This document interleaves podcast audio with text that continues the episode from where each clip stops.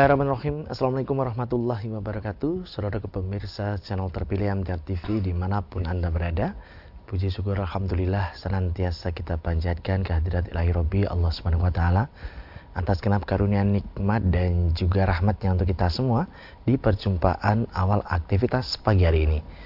Kita jumpa kembali di program unggulan Fajar Hidayah dan Alhamdulillah sudah hadir Ustadz Sunarno yang nanti akan melanjutkan pelajaran sekaligus memberikan pencerahan untuk kita semua di kesempatan kali ini.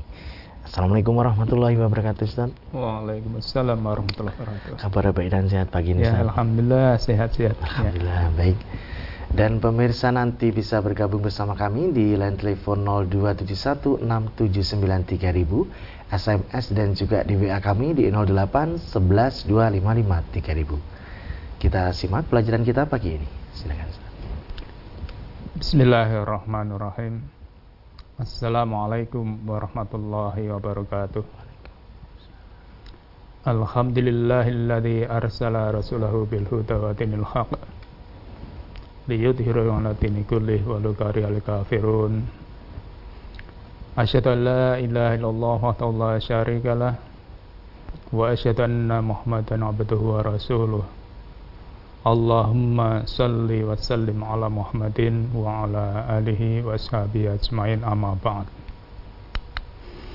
Saudaraku, pemirsa dan pendengar di mana pun berada yang saya cinta, yang saya hormati. Alhamdulillahirrahmanirrahim pagi ini Allah senantiasa curahkan anugerah pada kita sehingga pagi ini kita diperkenankan mengawali aktivitas kita dalam keadaan sehat walafiat. Saudaraku, pagi ini kita akan membicarakan firman Allah tentang kelak di hari kiamat. Seseorang tidak bisa menyelamatkan orang lain. Allah berfirman dalam surat Al-Baqarah 48 A'udzu billahi minasyaitonir rajim. Wattaqu yawman la tajzi nafsun 'an nafsin syai'a minha syafa'atu wa la yu'khadhu minha 'adlu wa la hum yunsharun. Wattaqu yawman la tajzi nafsun 'an nafsin syai'a. Dan jagalah diri kalian dari azab di hari kiamat yang pada hari itu seseorang tidak dapat membela orang lain. Dari ayat ini, Allah mengajarkan pada hambanya supaya selamat dari azab di hari kiamat nanti Allah perintahkan supaya menjaga diri diri kita kita jaga masing-masing kita wajib menjaga dirinya masing-masing. yakni tetap menjaga akidahnya supaya tetap lurus. Tidak tercampur dengan syirik. Tetap menjaga ibadahnya. Lurus supaya sebagaimana kita beribadah sesuai dengan petunjuk Rasulullah sallallahu alaihi wasallam Karena dalam hadis kita diingatkan man amila amalan laisa alaihi amruna bahwa raddun. Siapa saja yang beribadah tanpa menurut petunjuk Nabi maka ditolak. Kita tetap menjaga akhlak kita supaya tetap berakhlak yang baik menjaga amal soleh kita supaya tidak rusak, tidak batal di tengah perjalanan. Kalau ini semuanya dilakukan insya Allah, semoga kita tidak akan menerima azab. Saudaraku, karena orang lain tidak akan mampu menolong diri kita karena siapa pun pada hari kiamat akan sibuk dengan dirinya masing-masing. Maka Allah mengingatkan likul imri'im minhum yauma idzin sya'nu yukhni setiap diri pada hari kiamat sangat sibuk dengan urusannya sendiri. Maka kita jangan jaga ke dari orang lain. Jangankan kita. Nabi kita Muhammad sallallahu alaihi wasallam dalam hadis riwayat Ahmad, Muslim, Bukhari juga semuanya meriwayatkan. An Aisyah taqalat Lama nazalat wa anzir ashiratakal aqrabin? Qama Rasulullah sallallahu alaihi wasallam faqala Ya Fatimah binta Muhammadin. Hai Fatimah putri Muhammad Angkidi nafsaki minan nar. Selamatkan dirimu dari api neraka. Fa inni wallahi ma amliku lakum minallahi syai'an. Maka sungguhnya aku Nabi demi Allah tidak mampu membela kalian di hadapan Allah nanti. Ini Nabi kepada putrinya tersayang. Putrinya diperintahkan untuk tetap menjaga dirinya dari siksa neraka. Apalagi yang lain putra Nabi tidak akan bisa mengharapkan pertolongan dari ayahnya walaupun sebagai Nabi. Maka tetap harus beramal, beribadah, apalagi yang lain. Maka dari hadis ini tentu kita bisa mengambil pelajaran. Juga pipi beliau, juga diingatkan. Ya Sofiyatu penata Abdul Muttalib. Angkidi nafsaki minan nar. Selamatkan diri kamu dari neraka. Karena Nabi juga tidak bisa menolong bibinya sendiri. Saudaraku, maka dari hadis ini mari kita ambil pelajaran.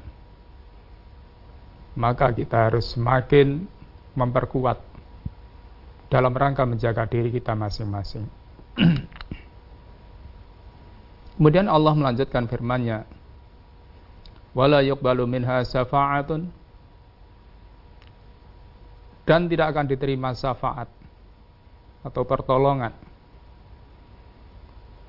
Sebagaimana firman Allah Subhanahu wa taala dalam surat Toha ayat 109 difirmankan Yauma idzil la yanfa'u syafa'atu illa man adzina lahu rahman wa radiyallahu qawla.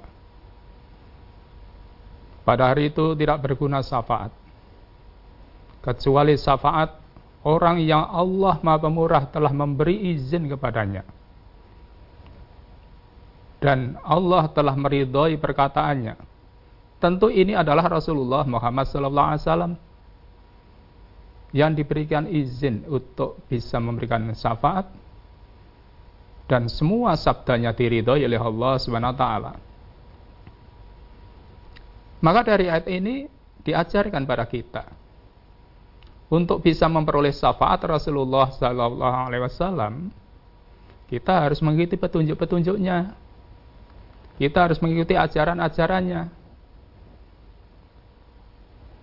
Maka orang yang beruntung memperoleh syafaat ialah orang yang sudah memperoleh benih syafaat, yaitu ilmu. Maka benih syafaat itu ilmu. Kalau ilmu mesti dari Al-Quran dan As-Sunnah. Maka mari kita terus pelajari pahami, yakini dari petunjuk-petunjuk yang Rasulullah ajarkan pada kita. Baik itu dari Al-Quran maupun As-Sunnah. Dan ilmunya itu terus diikuti dengan amal. Adapun buah amal itulah syafaat. ialah mendapat keselamatan di akhirat kelak. Maka kalau kita ingin memperoleh syafaat, ya mari kita ikuti petunjuk-petunjuk Rasulullah Sallallahu Alaihi Wasallam.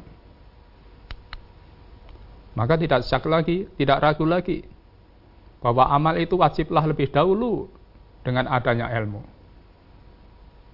Dengan kata lain, ala ilmu imamun amal. Wa amalun tabi'uhu.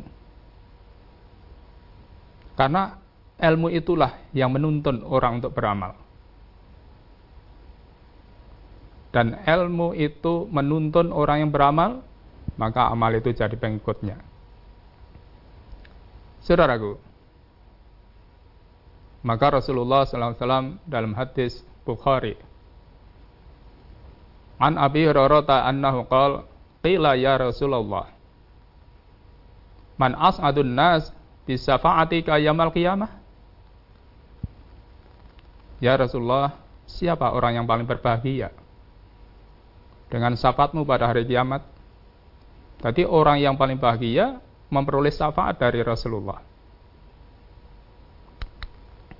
Qala Rasulullah sallallahu alaihi wasallam as'adun nas bis syafa'ati yaumal qiyamah? Man qala la ilaha illallah khalisam min qalbihi aw nafsihi. Orang yang paling berbahagia memperoleh syafaat adalah orang yang mengatakan la ilaha illallah dan ikhlas tulus dari hatinya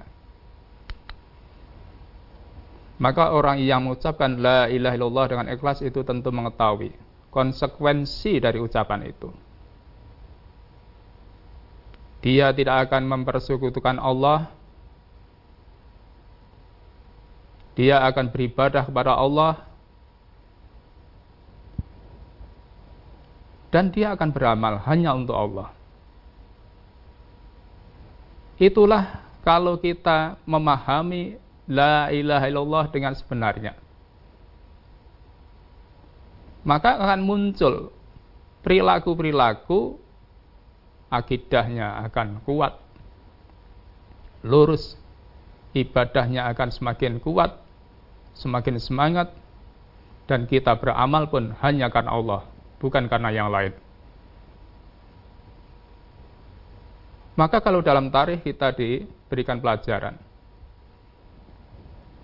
Kenapa Abu Talib ketika diminta oleh Rasulullah untuk mengucapkan La ilaha illallah menolak? Karena Abu Talib mengerti konsekuensi dari ucapan itu. Maka tidak mau. Saudaraku, maka kalau kita ingin memberi syafaat, mari betul-betul kita pahamkan pada diri kita. Kemudian Allah melanjutkan firman-Nya. Wala minha sa'adalu wala hum yunsarun. Ibnu Jarir berkata, pada suatu hari itu tiada seorang pun yang dapat menolong. Tidak dapat diterima dari mereka tebusan. Hari itu tidak berlaku lagi kasih sayang. Dan hilanglah semua suap dan perantara. Lenyaplah tolong menolong di antara manusia. Tolong menolong itu yang ada hanya di dunia ini. Kalau di akhirat masing-masing bertanggung jawab dengan hasil apa yang diperoleh ketika hidup di dunia. Karena kalau di hari kiamat, semua hukum kembali pada Allah SWT. Allah yang maha adil. Maka manusia tinggal menerima balasannya. Kalau ketika dia orang baik ketika di dunia, akan menerima balasannya yang baik. Namun kalau di dunia ini orang yang tidak baik, tidak beriman, tinggal menerima balasannya. Saudaraku, maka Allah mengingatkan ayat yang sudah sangat populer. Innal ladzina kafaru wa matu wa hum kufarun fala yuqbalu min ahadihim mil'ul ardi dhahaba walau iftada bih ulaika lahum adzabun alimu wa ma lahum min nasyirin Sesungguhnya orang yang kafir dan sampai mati tidak insaf, tetap mempertahankan kekafirannya, maka tidaklah akan diterima dari mereka tebusan walaupun emas sepenuh bumi. Walaupun emas sepenuh bumi. Bagi mereka itu siksa yang pedih dan sekali-kali tidak ada yang bisa menolong. Saudaraku, maka dari peringatan-peringatan ayat ini, maka mari kita betul-betul pahamkan pada diri kita bahwa semua manusia akan ngunduh hasil dari perbuatannya sendiri. Tidak bisa menjaga atau tidak bisa mengharapkan dari orang lain siapa pun itu. Putri Nabi saja tidak bisa memperoleh pertolongan dari ayah beliau yaitu Rasulullah SAW apalagi kita. Tentu dengan begini kita akan semakin semangat bagaimana dalam hidup ini untuk menyelamatkan diri kita masing-masing. Saudaraku begitulah. Semoga bermanfaat untuk saya dan kita semuanya terima kasih ya Baik pemirsa, kami harapkan Anda bisa bergabung bersama kami di line telepon 0271 679 3000. SMS dan juga di WA kami di 08 11 255 3000. Namun sebelumnya kita akan simak beberapa informasi dalam rangkaian jeda pariwara berikut ini. Pemirsa channel terpilih MTA TV di mana pun Anda berada, terima kasih Anda masih setia bersama kami khususnya di program unggulan Fajar Hidayah pagi ini. Kami persilahkan kesempatan pertama di line telepon 02716793000 untuk bisa bergabung. Halo, Assalamualaikum. Halo, Assalamualaikum. Halo, Assalamualaikum. Silakan Bapak atau Ibu sudah terhubung. Halo, Assalamualaikum. Ya, baik, silakan diulangi kembali. Kita bacakan Ustadz yang ada di SMS dan WA terlebih dahulu dari Ibu Kusmiatun yang ada di Banyumas. Mohon pencerahannya Ustadz. Ibu saya masih percaya dengan kejawen. Padahal selama ini juga sering menyimak dan mengikuti pengajian di mana-mana. Tetapi masih percaya dengan kejawen dan sekarang ini sedang menjalankan puasa ngebleng tiga hari. Mohon diterangkan sejelas-jelasnya Ustadz. Apa yang ada di Al-Quran dan juga As-Sunnah apa itu puasa dan puasa apa saja yang ada dituntunkan dalam ajaran Islam. Saat ini beliau menyimak Fajar Hidayah. Demikian, ya. Ya, Ibu Kuswiyatun dia di Banyumasnya. Jadi kalau masalah ibadah kita bukan masalah kejawen atau tidak kejawen. Jadi kalau namanya puasa ngebleng itu kalau dalam agama kita kan wisol. Wisol itu nyambung terus. Itu dilarang dalam agama. Dilarang. Maka jangan sampai kita itu mengerjakan maksudnya ibadah tapi justru yang dilarang. Nabi melarang itu. Nah kemudian kalau ingin puasa kan bisa yang sesuai dengan petunjuk. Puasa Daud itu sehari puasa sehari tidak. Terus begitu. Atau puasa Senin Kemis atau puasa bid tanggal 13, 14, 15 bulan Komariah. Jadi jangan melakukan sesuatu yang dilarang. Itu sia-sia. Karena Allah juga memperingatkan. Qul hal nunabbi'ukum bil aksyarina a'mala? Katakan Muhammad, Apakah kamu mau aku berikan kabar tentang orang yang paling merugi amalnya? Paling merugi. Siapa itu?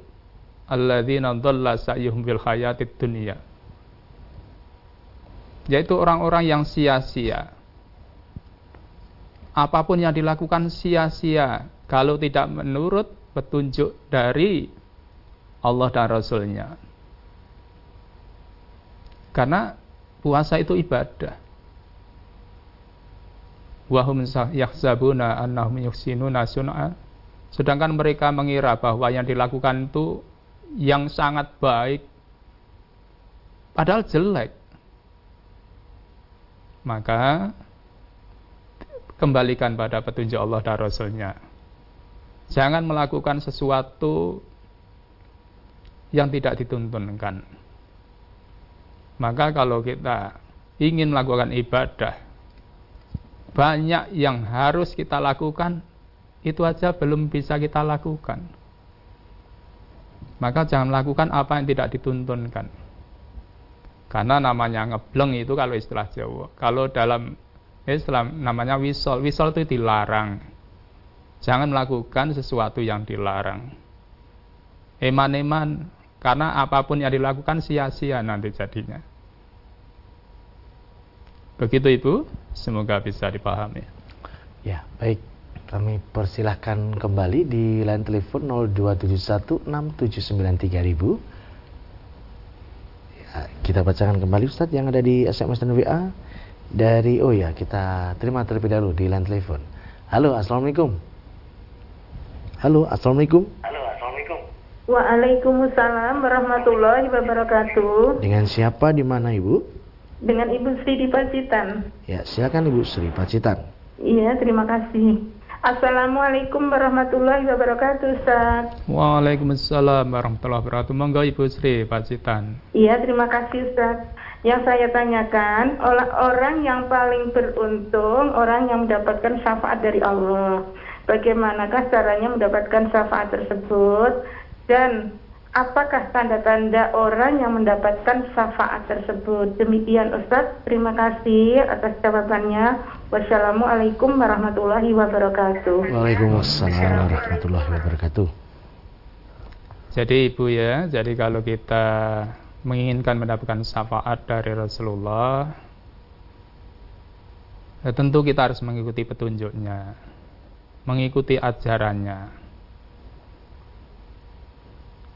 Karena kalau kita itu mengikuti petunjuknya, mengikuti ajaran berarti kita berilmu. Lah ilmu itulah benih syafaat di dunia ini. Ilmu. Maka setiap amalan yang kita lakukan harus berdasarkan ilmu. Kalau kita beramal tanpa ilmu, itu sia-sia. Maka kita harus berilmu dulu sebelum beramal. Lah ilmu itu kita amalkan dalam kehidupan ini apa pun yang kita pahami. Lah buah dari amal itulah yang nanti akan kita petik di hari kiamat. Kita semuanya akan memetiknya. Maka buah dari amal yang kita lakukan itulah yang menyelamatkan kita nanti di hari kiamat. Itulah syafaat. Maka kita berusaha dalam hidup ini apa yang bisa kita lakukan sesuai dengan petunjuk Allah dan Rasulnya. Tentu tidak mungkin kalau kita di dunia tidak mau mengikuti petunjuk Rasulullah SAW. Kok kita mengharapkan dari syafaat beliau bagaimana? Maka kita mari kita kuatkan. Terus kita semangat untuk semakin mendalami, semakin meyakini, dan kita berusaha mengamalkan dengan sekuat tenaga. Insya Allah dengan itu kita akan memperoleh syafaat nanti di hadapan Allah. Begitulah Ibu, semoga bisa dipahami. Pertanyaan berikutnya masih di SMS dan WA Ustaz. Dari Bapak Sujadi di Jambi. Saya kalau sholat jamaah di masjid Ustadz, waktu atahiyat awal, saya baru sampai sahadat, imamnya sudah tegak. Yang demikian bagaimana Ustadz? Apakah saya lanjutkan apa saya lanjutkan ikut atau tidak Ustaz? Demikian. Ya, jadi Pak Jati ya. Jadi kalau makmum atahiyat kita baru sampai syahadat imam sudah berdiri tegak, ikuti aja imamnya. Karena kalau kita mau melanjutkan jelas terlambat. Jelas terlambat. Maka ikuti saja imamnya. Insya Allah tidak mengurangi apa-apa. Begitu Bapak, semoga bisa dipahami. Baik, kembali di line telepon 6793000 kami persilahkan. Ya, belum ada yang bergabung. Baik, yang berikutnya de dari oh ya di line telepon kembali. Silakan. Halo, assalamualaikum. Halo, assalamualaikum. Waalaikumsalam warahmatullahi wabarakatuh. Ya, dengan bapak siapa di mana?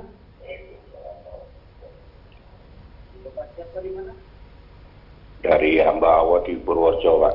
Purworejo, silakan bapak di Purworejo. Yang saya tanyakan, saya kalau sholat maghrib sama isya itu tayamum itu apa uh, sah apa tidak Pak? Ya demikian. Karena saya juga sakit baru maghrib sama isya. Ya. Begitu ya saya tanyakan. Assalamualaikum warahmatullahi wabarakatuh. Waalaikumsalam Waalaikumsalam warahmatullahi wabarakatuh. Bapak ya di Purworejo ya. Jadi Bapak ya, jadi kalau Bapak gerah sholat maghrib sama isya tayamum. Tentu kondisi Bapak yang paling tahu, istabti kolbak. Jadi minta fatwa pada diri sendiri. Kalau memang Bapak itu kalau menyentuh air sangat mungkin sangat kedinginan atau mungkin menyebabkan sakit yang lain yaitu silahkan tayamum namun kalau dengan tayamum itu tentu harus memenuhi syarat karena kita mukim mukim. Maka kalau Bapak ingin tayamum, ya istati kolbak. Jadi kalau memang betul-betul Bapak gerah, menyentuh air menjadi memperparah penyakitnya, boleh tayamum boleh. Dan itu sah. Namun kalau tidak ada alasan yang syar'i, kok kita tayamum, lah itu tidak boleh. Tidak sah. Maka Bapak yang paling tahu kondisi Bapak, kalau memang penyakit Bapak itu, kalau menyentuh air menjadikan parah sakitnya, boleh tayamum. Namun kalau tidak, lebih selamat kalau kita berwudu. Begitu Bapak, semoga bisa dipahami. Ya, masih ada kesempatan kami bacakan kembali di SMS dan WA Ustaz dari saudara kita yang ada di Merauke. Ustadz, saya sholat wajib dan sunnah selesai zikir ditutup doa. Saya terus membaca selawat. Nah, apakah yang demikian ada tuntunannya Ustaz? Ya. Yang kedua, mohon dijelaskan surat kiamah ayat 1 dan 2 Ustaz. Ya. Jadi saudaraku di Merauke ya. Jadi kalau jenengan setelah sholat sudah dikir kemudian doa kemudian setelah selesai membaca sholat boleh tidak boleh kalau tidak ditentukan harus karena itu sudah waktu bebas Dikir yang lain juga boleh, membaca sholawat juga boleh. Yang penting kita itu jangan menentukan sesuatu yang tidak ditentukan oleh Rasulullah. Dan apa yang sudah ditentukan oleh Rasulullah jangan dirubah. Jangan dirubah. Jadi kita itu dalam beribadah itu praktis. Kita jangan menentukan apa yang tidak ditentukan oleh Rasulullah. Berarti kalau Rasulullah tidak menentukan, boleh. Bebas kita. Lah apa yang sudah ditentukan oleh Rasulullah, ya jangan dirubah. Itu yang pertama. Yang kedua, surat kiamah ya. Ya. Jadi dalam surat kiamah itu di situ Allah berfirman, La uqsimu bi yaumil qiyamah. Aku bersumpah demi hari kiamat. Ini Allah bersumpah dengan ciptaannya sendiri. Itu Allah Allah boleh bersumpah dengan makhluknya. Namun kalau hamba kita manusia tidak boleh bersumpah atas nama makhluk. Harus atas nama Allah. Itu yang pertama. Kemudian dalam ayat 2-nya diterangkan wala uqsimu bin nafsil dan aku bersumpah dengan jiwa yang amat menyesali dirinya sendiri. Maksudnya manusia, hamba apabila berbuat baik juga menyesal. Kenapa tidak memperbanyak amal baiknya? Apalagi yang beramal tidak baik, lebih menyesal lagi. Maka manusia semuanya akan menyesal. Orang yang berbuat baik pun menyesal. Kenapa saya dulu tidak beribadah yang banyak Kenapa saya tidak begini, tidak begitu? Padahal sudah memperoleh pahala. Namun merasa kurang. Jangankan di hari kiamat nanti, di dunia ini saja kadangkala orang itu sudah memperoleh keuntungan masih menyesal. Masih menyesal. Kenapa saya tidak lebih banyak lagi? Kan gitu. Maka kita diingatkan, kalau orang yang berbuat baik saja masih menyesal, kenapa saya tidak lebih memperbanyak lagi? Ternyata pahala yang diterima begini besarnya. Lah apalagi orang berbuat tidak baik, orang berbuat jahat akan lebih menyesal nanti. Bahkan penyesalannya minta dikembalikan ke dunia lagi. Walaupun cuma sebentar, itu orang berbuat jahat. Maka mari kita selagi kita masih diberikan kehidupan oleh Allah SWT, diberikan kekuatan, mari kita bisa berbuat sesuatu yang bermanfaat untuk dunia kita, akhirat kita, semaksimalnya. Begitulah saudaraku, semoga bisa dipahami. Ya. Satu lagi Ustaz, masih ada kesempatan Ustaz dari Ibu Sri di Jawa Barat. Ustadz, amalan-amalan apa yang kita kerjakan supaya dapat keringanan dari siksa kubur Ustaz? Iya. Jadi Ibu ya, jadi siksa itu tidak hanya dikubur. Maka kalau kita dikubur mesti juga nanti di hari kiamat. Karena bagaimanapun kita diberikan pengertian.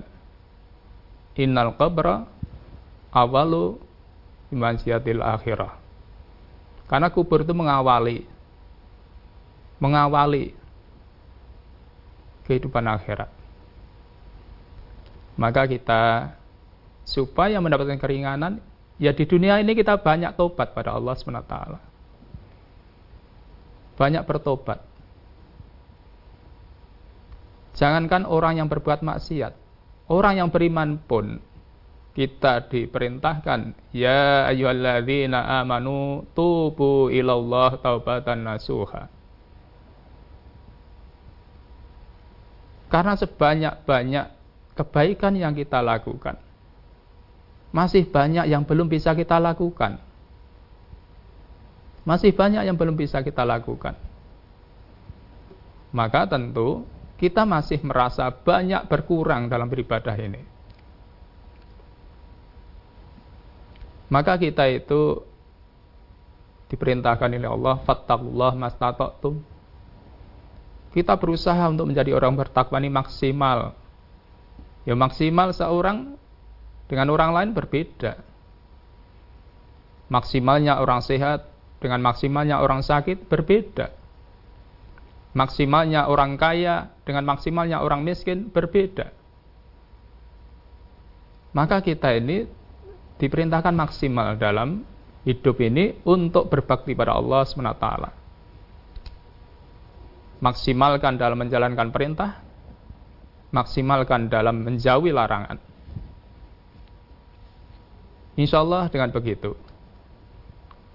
kita di Makbaroh termasuk nanti di hari akhirat kita akan diberikan ampunan oleh Allah SWT. Maka semuanya itu ditentukan ketika kita di dunia ini. Maka jangan sampai kita menyesal karena di dunia ini banyak lengah untuk melakukan sesuatu yang bermanfaat bagi kita di akhirat kelak. Apa pun itu wujudnya. Begitu Ibu, semoga bisa dipahami. Ya. Baik Ustadz, kami sampaikan terima kasih atas pelajarannya di pagi ini Ustadz. Assalamualaikum warahmatullahi wabarakatuh. Waalaikumsalam warahmatullahi wabarakatuh. Baik saudara pemirsa channel terpilih MTA TV di mana pun Anda berada, demikian tadi telah kita simak dan uti bersama program unggulan Fajar Hidayah pagi ini. Kita jumpa kembali di kesempatan mendatang dan saya Tama Al-Fatoni pamit undur. Alhamdulillahirrahmanirrahim. Subhanakallahumma wa bihamdika. Asyadu ala ilaha illa anta astaghfiruka wa atubu Assalamualaikum warahmatullahi wabarakatuh.